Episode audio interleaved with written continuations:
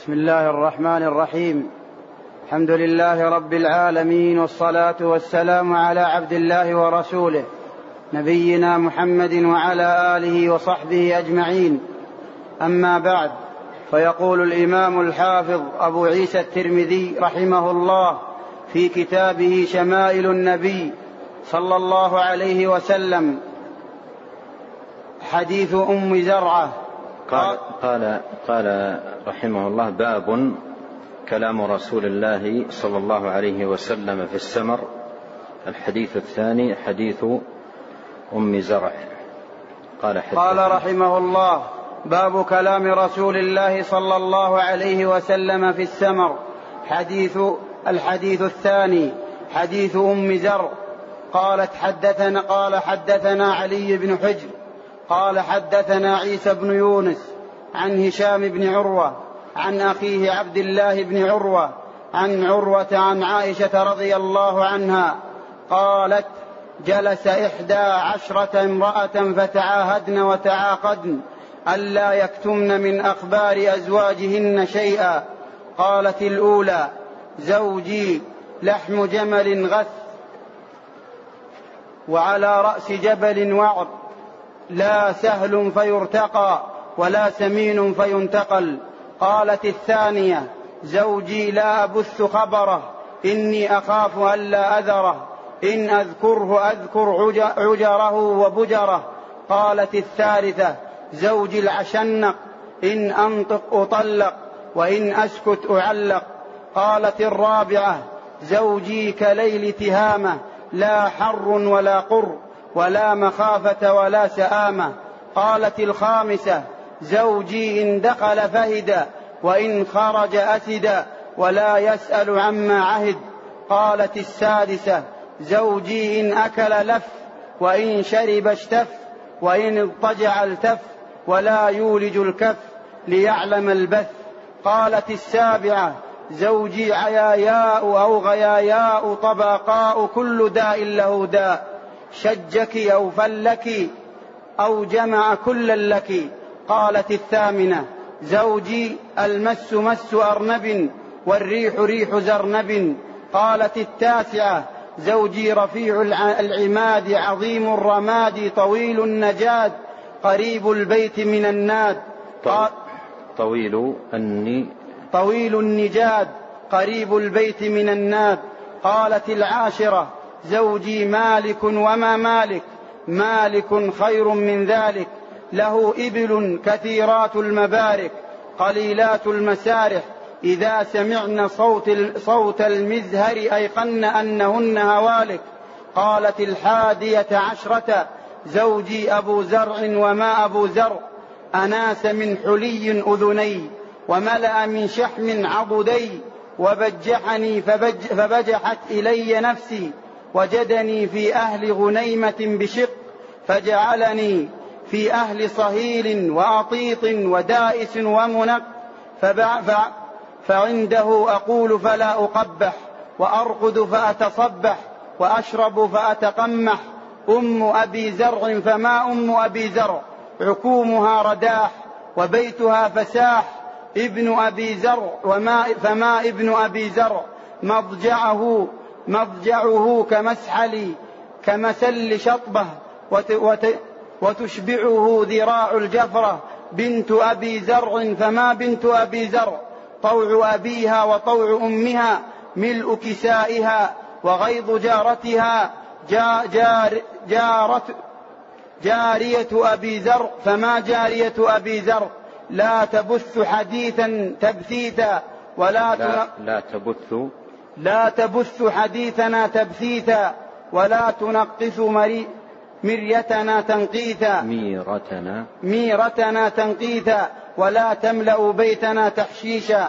قالت خرج أبو زرع والأوطاب تمخض فلقي امرأة معها ولدان لها كالفهدين يلعبان من تحت خصرها برمانتين فطلقني ونكحها فنكحت بعده رجلا سريا ركب شريا وأخذ, وأخذ, وأخذ خطيا وأراح علي نعما ثريا وأعطاني أراح علي نعما. نعما ثريا وأعطاني من كل رائحة زوجا وقال كلي أم زرع وميري أهلك وميري أهلك فلو جمعت كل فلو جمعت كل شيء أعطانيه كل ما كل شيء. كل شيء أعطانيه ما بلغ أصغر آنية أبي زر قالت عائشة رضي الله عنها فقال لي رسول الله صلى الله عليه وسلم كنت لك كأبي زرع لأم زرع الحمد لله رب العالمين وأشهد أن لا إله إلا الله وحده لا شريك له وأشهد أن محمدا عبده ورسوله صلى الله وسلم عليه وعلى آله وأصحابه أجمعين. أما بعد هذا الحديث حديث أم زرع مشهور عند أهل العلم بهذا الاسم حديث أم زرع.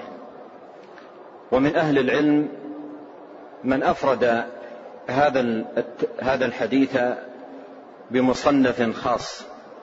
لكثرة فوائده وكثرة ما يستنبط ويستفاد من هذا الحديث من فوائد عظيمة وجليلة ونافعة. وممن أفرد هذا الحديث بالتصنيف القاضي عياض رحمه الله تعالى في كتاب مطبوع بعنوان بغية الرائد لما تضمنه حديث أم زرع من الفوائد. وأيضا أفرده غير القاضي عياض رحمه الله بالتصنيف. والحافظ ابن حجر رحمه الله تعالى أجاد كثيرا وأفاد في كتابه فتح الباري في الكلام على هذا الحديث وبيان معانيه ودلالاته وكذلك سرد فوائده. لما أنهى رحمه الله تعالى شرح الحديث سرد فوائد عظيمة وجليلة مستفادة من هذا الحديث العظيم. والإمام الترمذي رحمه الله تعالى أورد هذا الحديث في كتابه شمائل النبي صلى الله عليه وسلم في باب كلام رسول الله صلى الله عليه وسلم في السمر. لأن هذا الحديث فيه من شمائله وآدابه وأخلاقه صلى الله عليه وسلم مع أهله مؤانسته لهم وأيضا سماع حديثهم أو ما يذكرونه من خبر ونحوه ولو طال. وهذا الحديث أو هذا الخبر الذي ذكرته عائشة رضي الله عنها لهؤلاء الأحد عشر من النسوة تذكر كل واحدة منها منهن حالها مع زوجها كل ذلكم كان يستمع إليه النبي عليه الصلاة والسلام. يستمع إليه وهذا من باب المؤانسة وحسن المعاشرة للأهل. بخلاف من لا يبالي بحديث أهله ولا يعتني بمؤانستهم ولا يرغب في سماع حديثهم. ونحو ذلك من التعاملات التي ليست هي من هديه صلوات الله وسلامه عليه. وهو القائل خيركم خيركم لأهله وأنا خيركم لأهلي. أو كما قال صلوات الله وسلامه عليه. فهذا الحديث فيه من شمائله عليه الصلاة والسلام مؤانسته لأهله. ولهذا خرجه الإمام البخاري رحمه الله تعالى في كتابه الصحيح في باب بهذا المعنى مؤانسة النبي صلى الله عليه وسلم لأهله. وهذا الحديث ذكرت فيه أم المؤمنين عائشة رضي الله عنها للنبي صلى الله عليه وسلم خبر إحدى عشرة امرأة اجتمعن في مجلس وتعاهدن وتعاقدن ألا يكتمن من أخبار أزواجهن شيئا. اجتمعنا اجتمع هذا العدد من النسوة وتعاهدن في ذلك المجلس أن كل واحدة تبوح. للحاضرات بحال زوجها دون أن تكتم من خبره شيئا لا تخفي شيئا من خبره سواء كان ذلك مدحا أو قدحا. وتعاهدنا على ذلك أي عاهد بعضهن بعضا على هذا الأمر أن كل واحدة تخبر الأخرى بحال زوجها من خير أو شر من إحسان أو إساءة. وبدأت كل واحدة منهن تصف زوجها وتذكر حاله وخبره. فمن هؤلاء من ذكرت زوجها بمدح يعني لم تذكر عنه إلا المدح. لأنها لم تر فيه إلا ما يمدح. ومنهن من لم تذكره إلا بقدح. ومنهن من ذكرت فيه مدحا وقدحا. منهن من وصفته بالخير في جميع أموره. ومنهن من وصفته بالشر والسوء في جميع أموره. ومنهن من جمعت أو ذكرت في زوجها وجوها من الخير ووجوها من الشر. فبدأت الأولى منهن وقالت زوجي لحم جمل غث على رأس جبل وعر لا سهل فيرتقى. ولا سمين فينتقل. شبهت زوجها بهذا التشبيه مبينة أن زوجها كان معها قليل الخير قليل النفع قليل الإفادة والإحسان. فكان يشبه لحم لحم الجمل الغث. لاحظ الآن وصفت اللحم الذي شبهت به زوجها بلحم الجمل.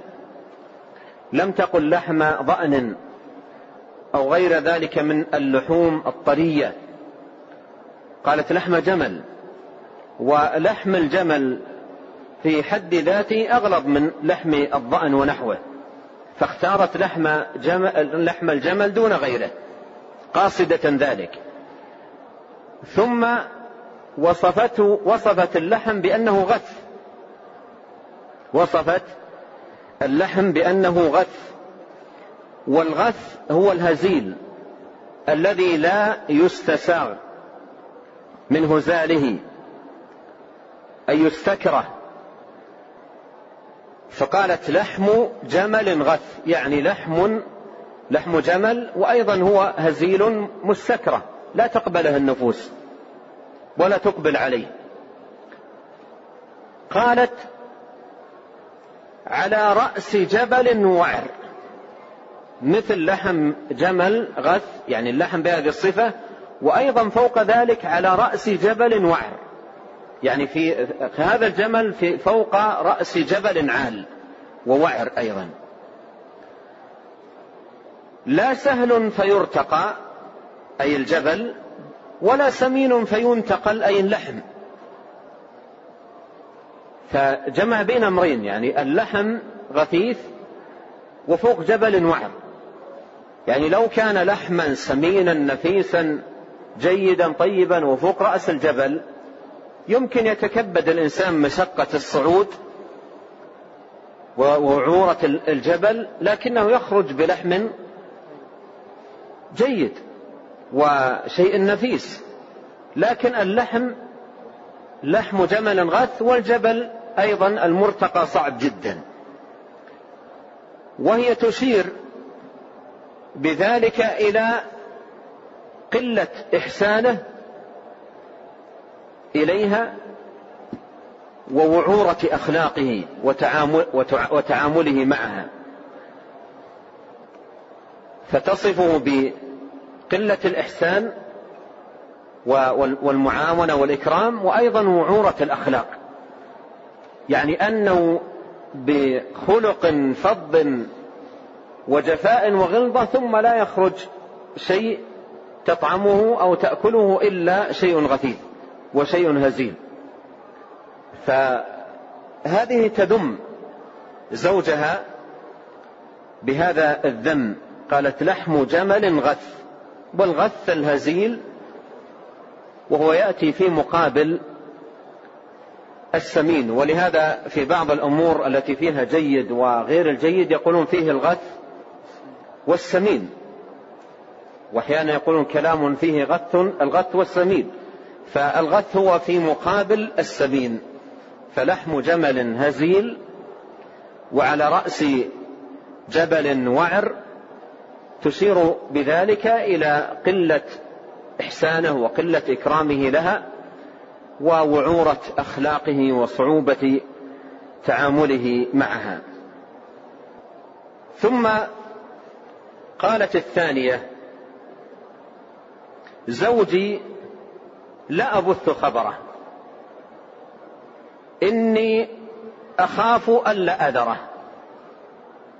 إن أذكره أذكر عجره وبجره. هذه الثانية تصف زوجها بأنه كثير المعائب ومعائبه كثيرة جدا.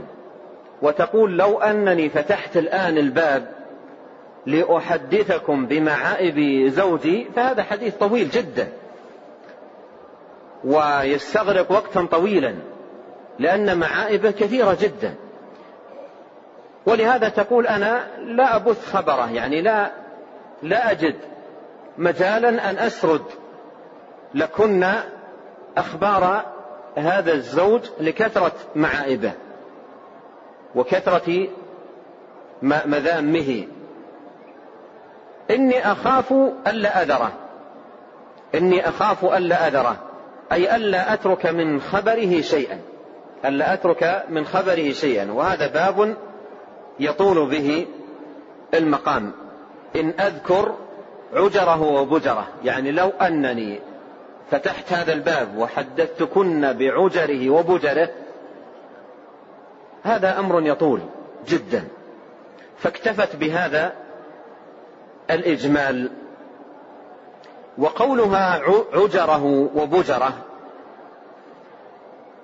المراد ما أبدى وما أخفى. يعني له أمور ومذام ظاهرة وأيضا له أيضا في أخلاقه وتصرفاته وتعاملاته أمور أيضا قبيحة وذميمه ولو أنني أحدثكم باخلاق هذا الرجل وتعاملاته الظاهرة المكشوفة المعروفة. وأيضا أحدثكم بأموره الباطنة وخفاياه. فهذا أمر يطول جدا. فاكتفت بهذا الإجمال عن الدخول في التفاصيل. وهذه كذلك تذم زوجها ذما شديدا.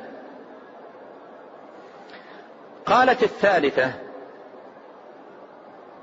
زوجي العشنق. إن أنطق أطلق وإن أسكت أعلق. أيضا هذه تذم زوجها ذما شديدا.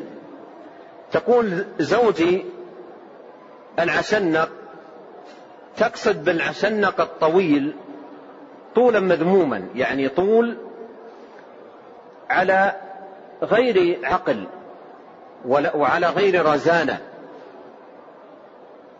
وإنما طول مع سوء تصرف وسوء تعامل. فتقول زوجي العشنق إن أنطق أطلق. إن أنطق بشيء من أخباره وتصرفاته أطلق يعني يفارقني. وإن أسكت أعلق. يعني إن جابهته بشيء من أخباره أو تصرفاته أو مذامه طلقني.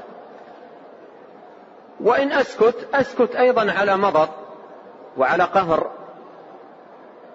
وعلى حياة مؤسفة لكنني أيضا أكون في الوقت نفسه عنده مثلي مثل المعلقة. والمعلق هو الذي بين السقف والأرض. المعلق الذي بين السقف والأرض. وإن أسكت أعلق. يعني أعيش عنده كالمعلقة. والمعلقة هي التي لا لم يطلقها زوجها فتنكح زوجا غيره ولا هو الذي أبقاها عنده إبقاء الزوجة بحقوقها. فهذه أيضا تذم زوجها هذا الذم قالت الرابعة زوجي كليل تهامة. وتهامة المنطقة المنخفضة بين البحر الأحمر والجبال جبال الحجاز واليمن. فالمنطقة الممتدة بين المنخفضة الممتدة بين البحر وبين الجبال تسمى تهامة. فتقول زوجي تشبه زوجها بأنه كليل تهامة. ما صفة ليل تهامة؟ قالت لا حر ولا قر. يعني معتدل. لا حر ولا قر. ليل تهامة ليله آه ليل ليله معتدل. الجو معتدل. لا حر ولا قر. يعني ليس بالحار ولا أيضا البارد وإنما هو جو معتدل. فهي تصف زوجها في حاله معها وتصرفاته وتعاملاته آه، بالاعتدال أنه رجل معتدل. تشبهه بليل تهامة. تقول ولا مخافة ولا سآمة. يعني رجل معتدل فمن طرفه ليس عندي مخاوف. لما أعرفه من حاله واعتداله واتزانه فليس في آه ليس عندي من طرفه مخاوف لا أتخوف من شيء منه وأيضا ولا سآمة والسآمة هي الملل. لا يحصل لي سآمة يعني لا يحصل لي ملل عند هذا الزوج. وهذا أيضا بسبب اعتداله في أخلاقه وتعاملاته ليس فيه الفظاظة ولا الغلظة ولا الجفاء. فلهذا هي لا تمل من معاشرته. لا تمل من معاشرته. فهي بهذا تصف زوجها بجميل العشرة واعتدال الحال وسلامة الأخلاق. فلا أذى ولا مكروه ولا إساءات. فيتمدحه بهذه المدائح وأنها عنده لا يحصل لها سآمة ولا يحصل لها أي مخاوف. ثم قالت الخامسة تصف زوجها. قالت زوجي إن دخل فهد وإن خرج أسد. ولا يسأل عما عهد. وصفت زوجها بهذه الصفات. أي أنه إذا دخل البيت يدخل مثل دخول الحيوان المعروف الفهد. وإذا خرج من البيت يخرج أيضا مثل خروج الحيوان المعروف وهو الأسد. ولا يسأل عما عهد وأكثر الشراح لهذا الحديث. اعتبروا وصف هذه المرأة لزوجها كله من باب المدح من باب المدح والثناء عليه. فهي فهي تمثل زوجها في دخوله للبيت بأنه فهد من حيث التكرم والإحسان وحسن المعاشرة الحقوق حقوق المرأة عند زوجها. فإذا دخل البيت في كرمه ومعاشرته لها فهو مثل الفهد. وإذا خرج مثل الأسد أي من جهة شجاعته يخرج من البيت رجل شجاع لا يهاب قوي مقدام. وقولها ولا يسأل عما عهد أي أنه مسامح. مسامح لا يسأل عما عهد. لا لا لا يلوم في شيء نقص أو شيء فسد في البيت أو أمر خرب أو نحو ذلك. الأمور التي عهد في البيت لا يسأل عنها. وهذا مدحا له بكثرة المسامحة. ومنهم من حمل هذا الحديث على الذم. أو بعضه ذم وبعضه مدح. يعني خروج مثل الأسد هذه مدح له. لكنه بالبيت مثل الفهد. قالوا الفهد إذا أوى إلى كهفة ليس عنده إلا النوم. ليس عنده إلا النوم. فبعضهم حمله على هذا المعنى. قال قالوا إنها إذا دخل البيت لا يعرف أهله. يدخل البيت فقط لينام مثل الفهد إذا أوى إلى البيت. ينجعف في مكان في زاوية من البيت وينام. لا يعرف من البيت إلا هذا. فبعضهم حمله على هذا المعنى. آه قالت زوجي إن دخل فهد وإن خرج أسد ولا يسأل عما عهد. وأيضا حملوا ولا يسأل عما عهد. حمل بعضهم ذلك على وجه الذم. يعني لا يتفقد بيته ولا ينظر. نواقصه ولا ينظر حاجاته ولا فبعضهم حمله على هذا المعنى. لكن كما قال الحافظ ابن حجر رحمه الله تعالى أكثر الشراح شرحوه على المدح. أكثر الشراح شرحوه على المدح في جمله الثلاثة. أنها تمدحه بهذه الأمور الثلاثة. هذه الخامسة منهن. السادسة قالت زوجي إن أكل لف وإن شرب استشف وإن اضطجع التف ولا يولج الكف ليعلم البث. وهذه تذم زوجها. هذه تذم زوجها. وتصف حاله في البيت. أنه إذا دخل البيت ليس له هم إلا بطنه. إذا دخل البيت ليس له هم في بيته إلا بطنه. ليس له اهتمام عندما يدخل البيت إلا بطنه. ولهذا تقول زوجي إذا أكل لف يعني إذا جلس للأكل يلف الذي أمامه ويستقصي ما أمامه من الطعام. وإذا شرب وإذا شرب استف ومرادها أنه لا يبقي شيئا من الشراب الذي امامه يستقصيه لأنهم ذكروا في معنى ذلك استقصاء ما أمامه من الشراب. استقصاء ما أمامه من الشراب. فهي تذم زوجها بأنه يخلط صنوفا من الأطعمة وأنه فيه شره في الأكل ولا يبقي شيئا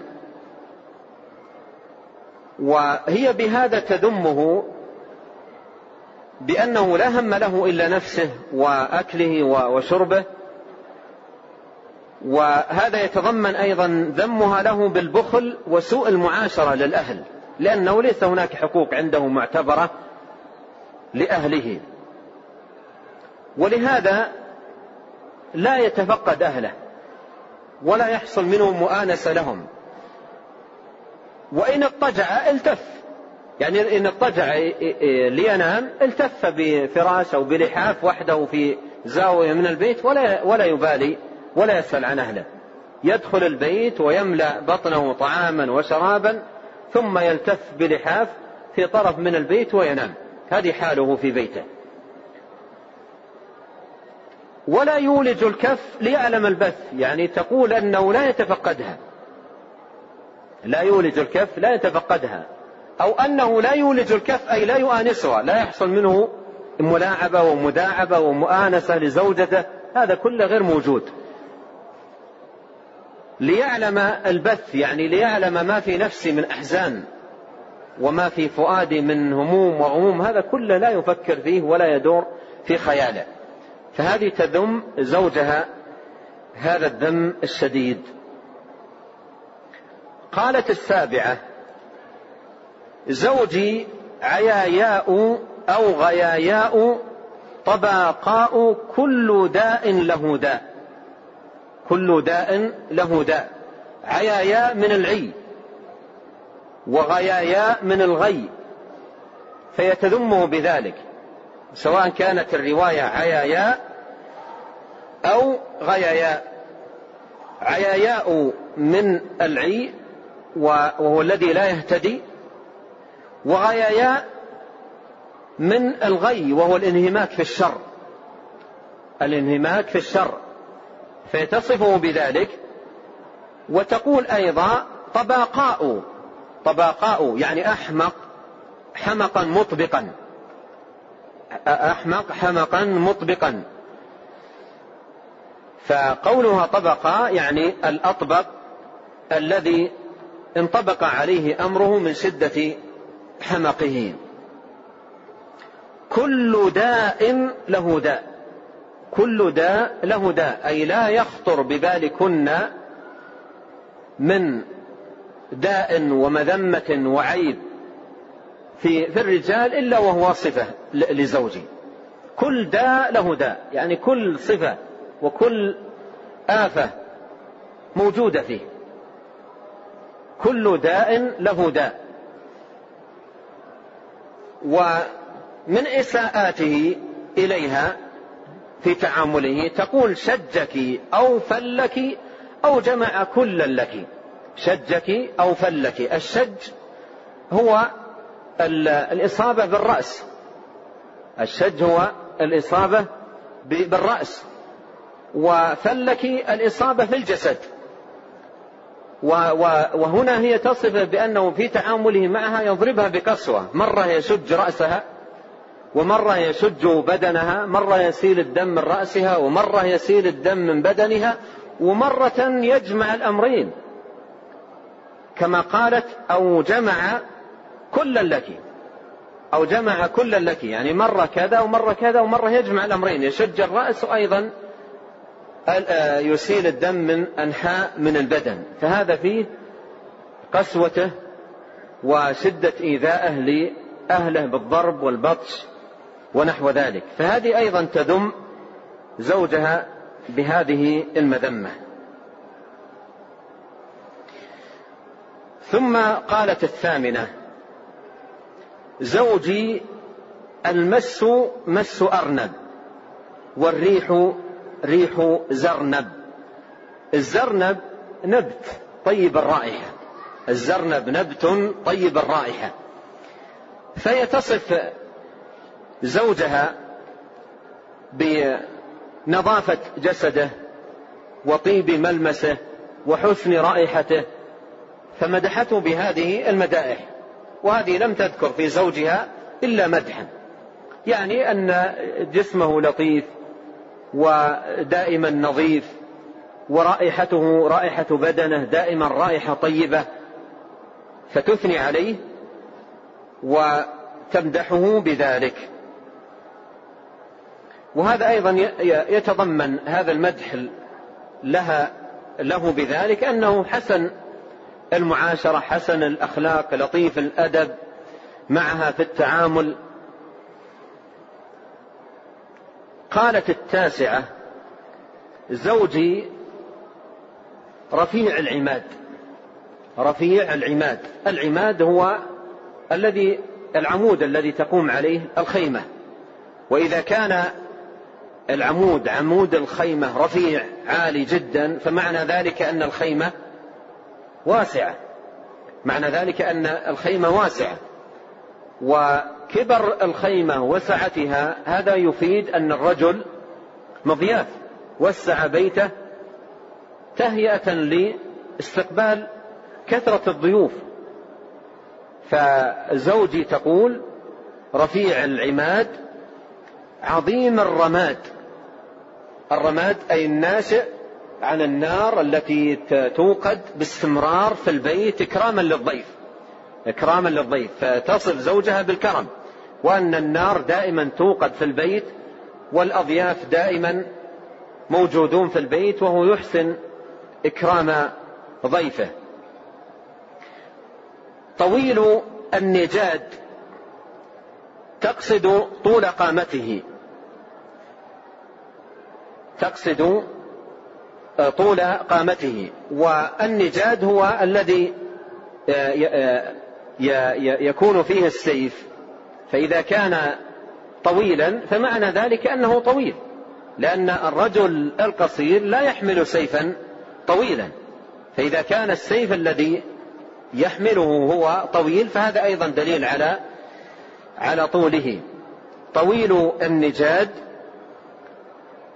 وهذا أيضا ربما أنه يتضمن شجاعة الرجل قريب البيت من الناد أي بيته وضعه في مكان قريب مجلس القوم ونادي القوم ومكان اجتماع القوم حتى يراه كل وافد لم يتخف في بيته في مكان لا يعرف أو مكان وإنما جاء ببيته في مكان قريب من الناد. وهذا دليل على شدة كرم الرجل. فهذه تمدح زوجها بهذه المدائح. مشيرة بذلك إلى أن سيادته وأنه كريم وحسن الأخلاق وطيب المعاشرة. قالت العاشرة زوجي مالك. وما مالك؟ زوجي مالك وما مالك. تريد أن تعظم زوجها. زوجي مالك يعني عنده ملك لكن ماذا؟ يعني عنده شيء عظيم. وثروة عظيمة. زوجي مالك وما مالك. يعني هي تمهد الآن بهذا أن زوجها صاحب ثروة عظيمة جدا. زوجي مالك وما مالك. مالك خير من ذلك. خير من ذلك يحتمل أنها تشير إلى ما ذكرته ذكرته الأخيرة عن زوجها. ويحتمل أنها تشير إلى يعني خير من ذلك خير مما قد يجول في أذهانكن أو مما أيضا سأصف لكن خير من ذلك. يعني خير مما سأصف لكن.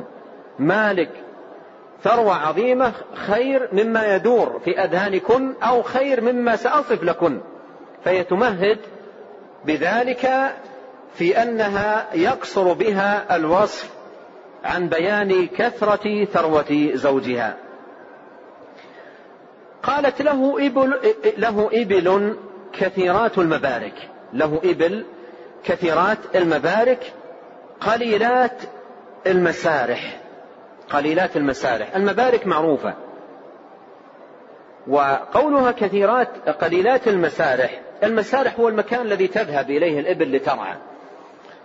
ووصفها للإبل بأنها قليلة المسارح إشارة إلى أن الرجل كثير الأضياف. ولكثرة الأضياف يستبقي الإبل أو يستبقي من الإبل حتى ينتقي منها ما طاب ليذبحه قرا وضيافة وإكراما لأضيافه. فهذا تشير به إلى كثرة أضيافه. تقول إذا سمعنا أي الإبل صوت المزهر والمزهر آلة من آلات اللهو وربما أنها كانت تستعمل عند هذا الرجل عند مجيء الأضياف فتقول إذا سمعنا صوت المزهر يعني الإبل إذا سمعت صوت المزهر سمعنا صوت هذه الآلة من آلات اللهو أيقنا أنهن هوالك. يعني تأكدنا أنهن سيؤخذ منهن كم واحدة للنحر تقديما للأضياف. اعتدنا الإبل على ذلك. بمعنى أنه باستمرار يحصل هذا الأمر إشارة إلى كرم زوجها فهذه تمدح زوجها بهذه المدائح. ثم قالت الحادية عشرة منهن وهي الأخيرة قالت زوجي أبو زرع زوجي أبو زرع ذكرته بكنيته وكنيته زرع أيضا تشير إلى فيها إشارة إلى مدح الرجل. ذكره بهذه الكنية الزرع. تشير إلى مكارم الرجل وفضائله المتعددة مما ستذكر بعضه. قالت زوجي أبو زرع. وما أبو زرع؟ وما أبو زرع؟ أيضا هذا جاءت به من باب التمهيد لبيان كثرة محاسن زوجها. قالت أناس من حلي أذني. أناس من حلي أذني. أناس أناس من النوس وهو حركة كل شيء متدل. حركة كل شيء متدل. أناس أي حرك. أناس من حلي أذني. يعني قدم لها من الحلي من القروط ونحوها ما تضعه في أذنيها. وهذا فيه إشارة إلى أيضا بقية الحلي فهو يعني أغدق عليها بالحلي أغدق عليها بالحلي. أناس من حلي أذني وملأ من شحم حضدي أي أنه كان يكرمها بالطعام والغذاء حتى أن جسمها أصبح جسما آه، ليس جسما هزيلا وإنما أصبح جسما مستصحا متغذيا من ما يغدق عليها من الطعام والخيرات. وخصت العضد بالذكر لأن لأنه أول ما تقع عليه النظر أول ما تقع عليه النظر. فإذا كان العضد سمين إذا كان العضد, العضد سمين وفيه الشحم فمعنى ذلك أن الجسم كذلك.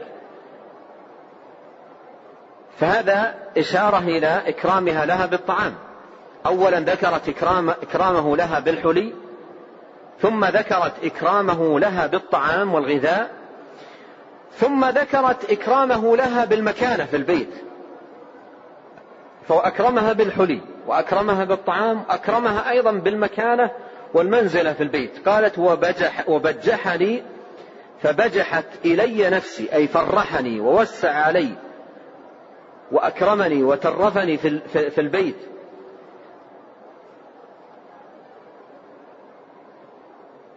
ثم تذكر حالها قبل أن تكون عنده.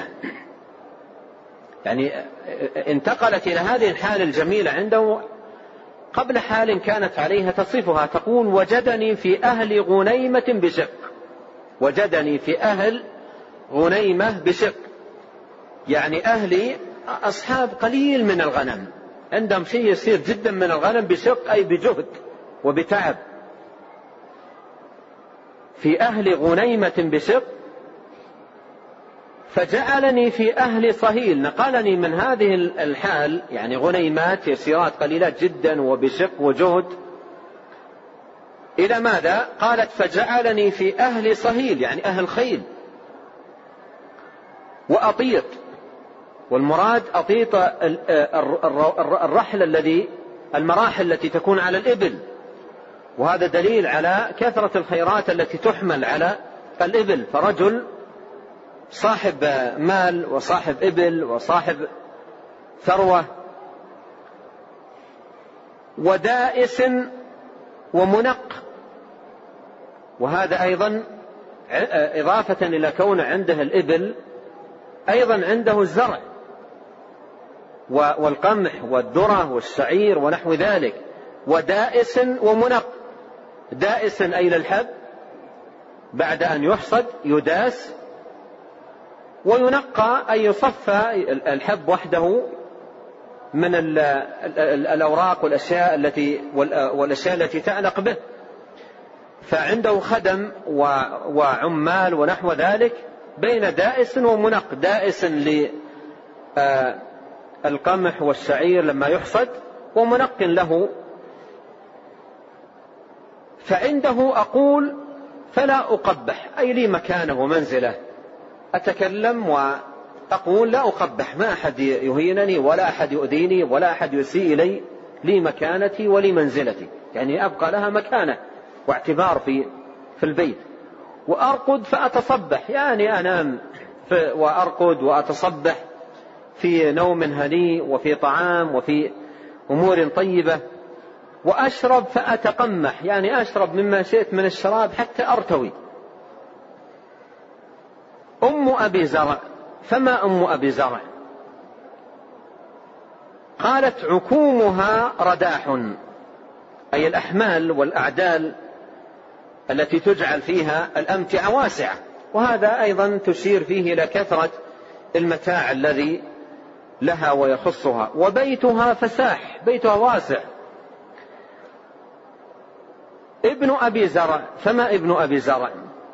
مضجعه كمسل كمسل شطبة وتشبعه ذراع الجفرة. أي أن المضجع الذي ينام عليه مسلول برفق والشطبة السعفة من سعف النخيل ما دامت رطبة. يعني في مكان وثير ومضطجع طيب وتشبعه ذراع الجفرة والجفرة الصغير من المعز فهو يأكل أطيب الطعام. بنت أبي زرع فما بنت أبي زرع؟ طوع أبيها وطوع أمها ملء كسائها وغيظ جارتها. فهي بنت مطاوعة أخلاقها طيبة وجميلة تطيع والدها تطيع أمها وأيضا ملء كسائها يعني ليست هزيلة. كساؤها لباسها فإذا لبست الكساء يملأها لأن صحتها طيبة. لأنها تعيش في في نعمة وفي خير. وغيظ جارتها وغيظ جارتها أي لما هي عليه من خير ونعمة. جارية أبي زرع فما جارية أبي زرع؟ الجارية التي عندهم في البيت أيضا حميدة الصفات. الجارية التي تعمل وتخدم عندهم في البيت أيضا هي كذلك حميدة الصفات طيبة الأخلاق.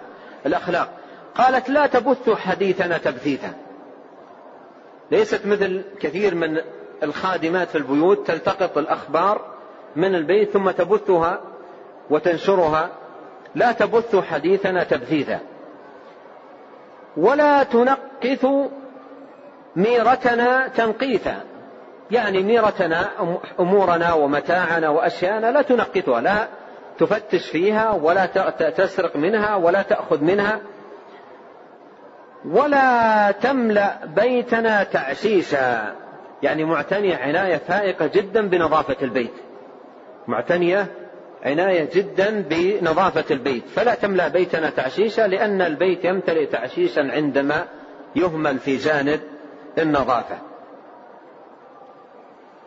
قالت خرج أبو زرع. خرج أبو زرع يوم من الأيام. والأوطاب تمخض. والأوطاب تمخض. جمع وطب الأوطاب جمع وطب. يعني في وقت آه، يكثر فيه اللبن. كثر فيه وقت الربيع. يعني خرج في وقت الربيع واللبن في ضروع الماشية كثير جدا. وفي مثل هذا الوقت أهل الماشية تغذيتهم آآ آه، آه، وتغذيتهم أحسن من الأوقات الأخرى.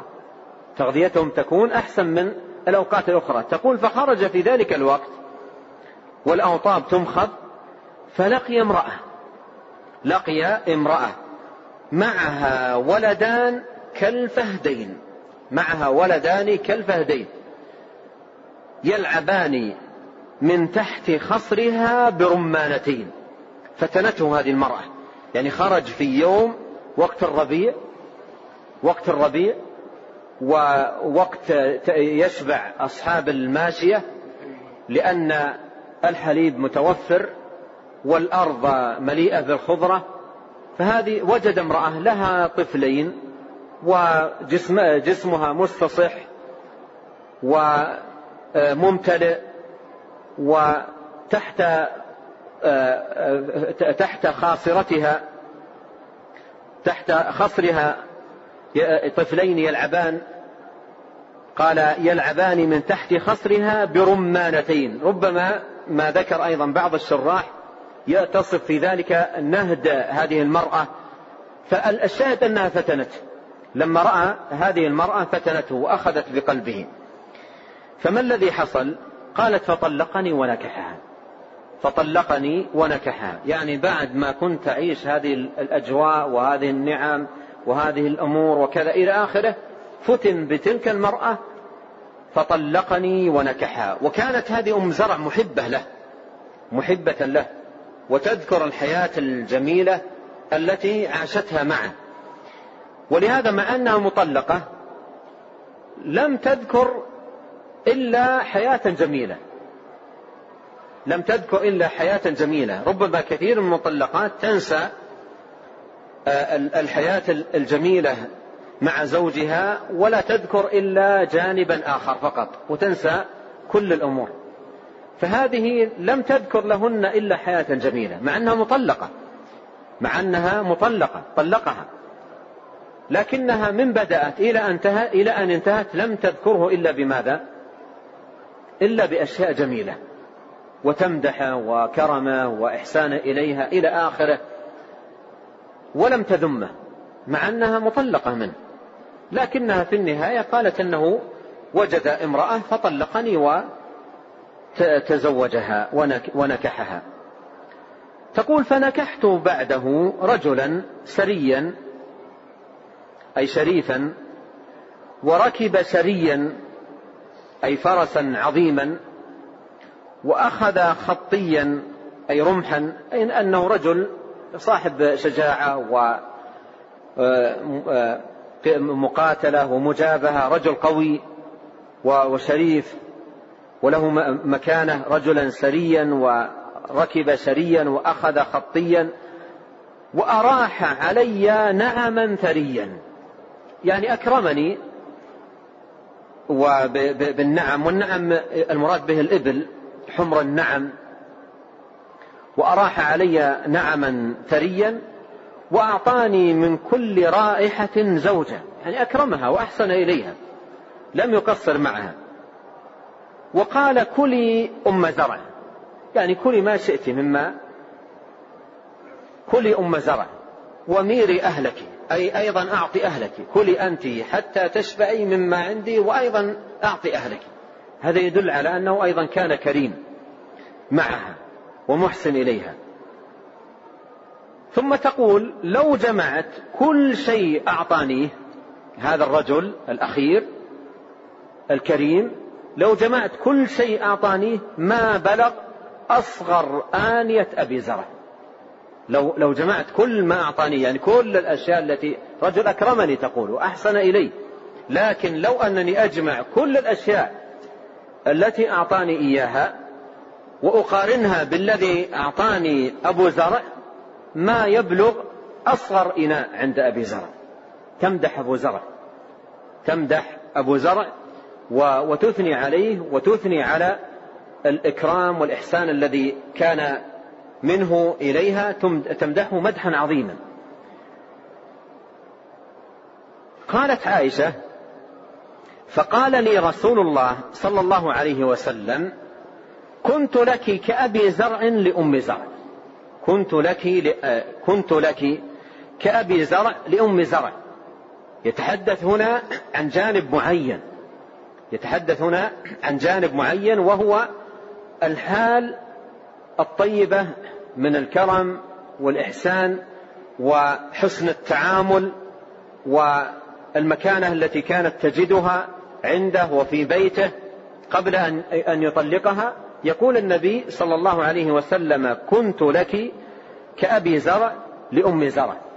وشاهد هذا الحديث للترجمة حسن مؤانسة النبي عليه الصلاة والسلام مع أهله وأزواجه سواء بمحادثتهم بما يؤنسهم ويدخل السرور على قلوبهم أو بسماع آه، أحاديث آه، أحاديثهن وكلامهن وذكر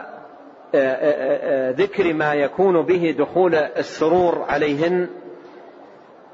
فهذا هو شاهد هذا الحديث للترجمة.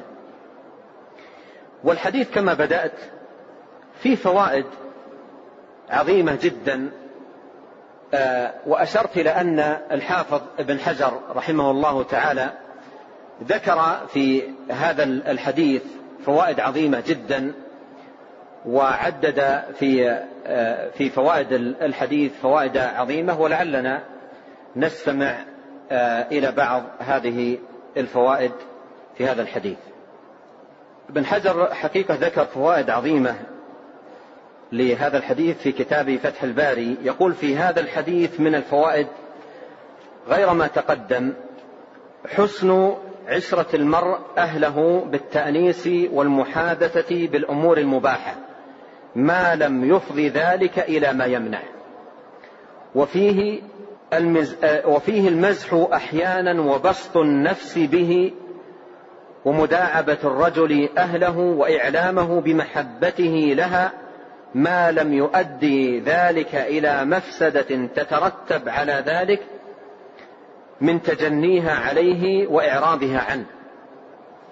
وفيه منع الفخر بالمال وبيان جواز ذكر الفضل بأمور الدين وإخبار الرجل أهله بصورة حاله معهم وتذكيرهم بذلك.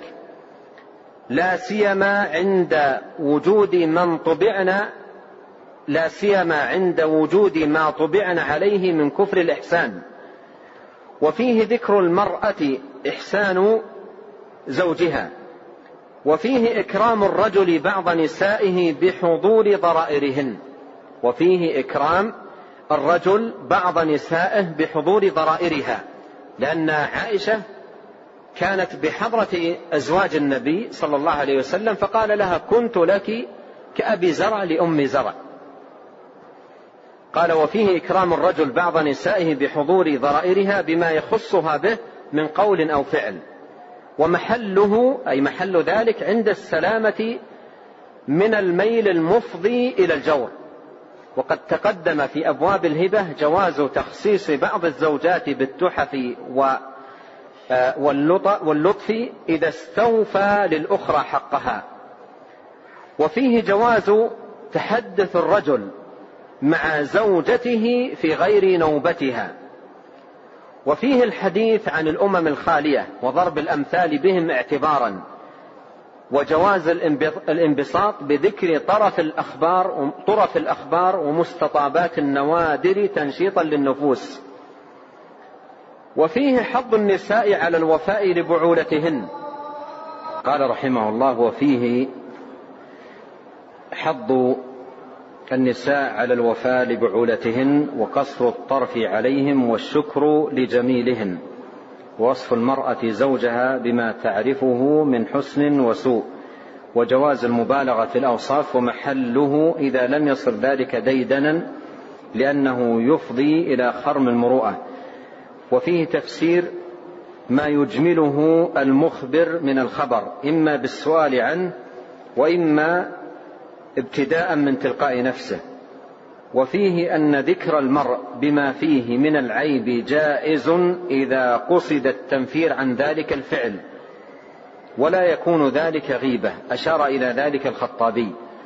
وتعقبه أبو عبد الله التميمي شيخ عياض بأن الاستدلال بذلك إنما يتم أن لو كان النبي صلى الله عليه وسلم سمع المرأة تغتاب زوجها فأقرها.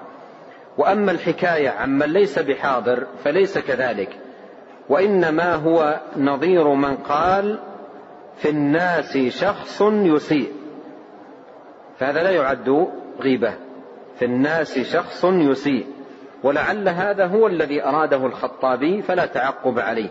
وقال المازري قال بعضهم ذكر بعض هؤلاء النسوة أزواجهن بما يكرهون ولم يكن ذلك غيبة لكونهم لا, يعرف لا يعرفون بأعيانهم وأسمائهم.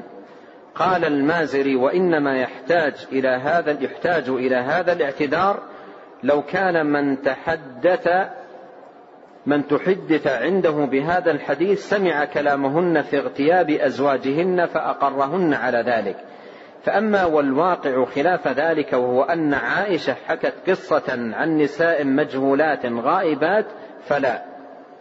ولو أن امرأة وصفت زوجها بما يكرهه لكان غيبة محرمة على من يقوله ويسمعه. حرام على القائل وحرام على السامع. إلا إن كانت في مقام الشكوى. يعني إذا كانت المرأة تذكر زوجها بما يكره في مقام الشكوى عند القاضي أو أو في, في للاستفتاء أو نحو ذلك فهذا لا يعد غيبة. أما هكذا في المجالس آه، يجتمعن وكل واحدة تعيب زوجها فهذه تعد غيبة محرمة. لا تحل للقائل ولا تحل أيضا للسامع. قال وفيه تقوية لمن كره نكاح من كان لها زوج لما ظهر من اعتراف أم زرع بإكرام زوجها الثاني لها بقدر طاقته. ذكرت أن زوجها الثاني أكرمها بقدر طاقته ومع ذلك فحقرته وصغرته بالنسبة إلى الزوج الأول بالنسبة إلى الزوج الأول. وفيه أن الحب يستر الإساءة. وفيه أن الحب يستر الإساءة. هذه أم زرع كانت تحب أبا زرع حبا عظيما وأساء إليها بالطلاق وحبها له ستر هذه الإساءة فلم تذكره إلا بالجميل. وفيه جواز وصف النساء ومحاسنهن للرجل لكن محله إذا كن مجهولات والذي يمنع من ذلك وصف المرأة المعينة بحضرة الرجل أو أن يذكر من وصفها ما لا يجوز للرجل تعمد النظر إليه. وذكر رحمه الله تعالى أيضا فوائد أخرى قال وفيه مدح الرجل في وجهه إذا علم أن ذلك لا يفسده وفيه جواز آه، قال وفيه نعم قال وفيه أن من شأن النساء إذا تحدثن خذوا هذه الفائدة اللطيفة قال وفيه أن من شأن النساء إذا تحدثن ألا يكون حديثهن غالبا إلا في الرجال. ألا يكون حديثهن غالبا إلا في الرجال. قال وهذا بخلاف الرجال فإن غالب حديثهم إنما هو فيما يتعلق بأمور المعاش إنما هو فيما يتعلق بأمور المعاش. إلى غير ذلك من الفوائد التي ذكرها الحافظ ابن حجر رحمه الله تعالى وأحب أن أنبه قبل الختام أن غدا آه، يوم الأحد لا يوجد درس وأعود التدريس بحول الله يوم الاثنين وأسأل الله عز وجل لي ولكم جميعا التوفيق والسداد والعلم النافع والعمل الصالح. وأن يصلح لنا شأننا كله وأن يغفر لنا ولوالدينا ولمشايخنا وللمسلمين والمسلمات والمؤمنين والمؤمنات الأحياء منهم والأموات والله أعلم وصلى الله وسلم على رسول الله. جزاكم الله خيرا وبارك الله فيكم وغفر الله لنا ولكم للمسلمين. هذا سائل يقول لماذا قال الرسول صلى الله عليه وسلم كنت لك ولم يقل أنا لك هذا أراد به النبي عليه الصلاة والسلام أن يؤانس عائشة رضي الله عنها ببيان مكانتها عنده ومنزلتها لديه صلوات الله وسلامه عليه. فقال كنت لك أي في في التعامل في الإحسان في في الإكرام كما كان أبو زرع لأم زرع. نعم. هذا يقول شغل الناس اليوم بالشعر ومتابعة الشعراء وضي والمنافسة وضيعوا الأوقات هل من نصيحة؟ قال عليه الصلاة والسلام لأن يمتلئ جوف أحدكم قيحا حتى يريه خير من أن يمتلئ شعرا فشغل الأوقات بالشعر وملؤها به وخاصة الأشعار التي ابتلي بها الناس في زماننا هذا بسبب بعض القنوات الفضائية وهي الأشعار التي تثير العصباء تثير النعرات العصبية والطائفية وتوجد العداوات والحزازات بين الناس. فهذه ولا شك محرمة والاشتغال بها يؤدي إلى أضرار جسيمة وخطيرة جدا. ويثير عداوات بين المتحابين والمتصافين والمتآخين في الله. وهذا من نشر الجاهلية بين الناس وأحوال الجاهلية وهذا سببه قلة العلم وقلة البصيرة بدين الله تبارك وتعالى. فشغل الأوقات بالشعر ولا سيما ما كان من هذا القبيل فلا شك أنه من الإثم ومن إضاعة الوقت بما فيه المضرة على المسلم في دينه ودنياه.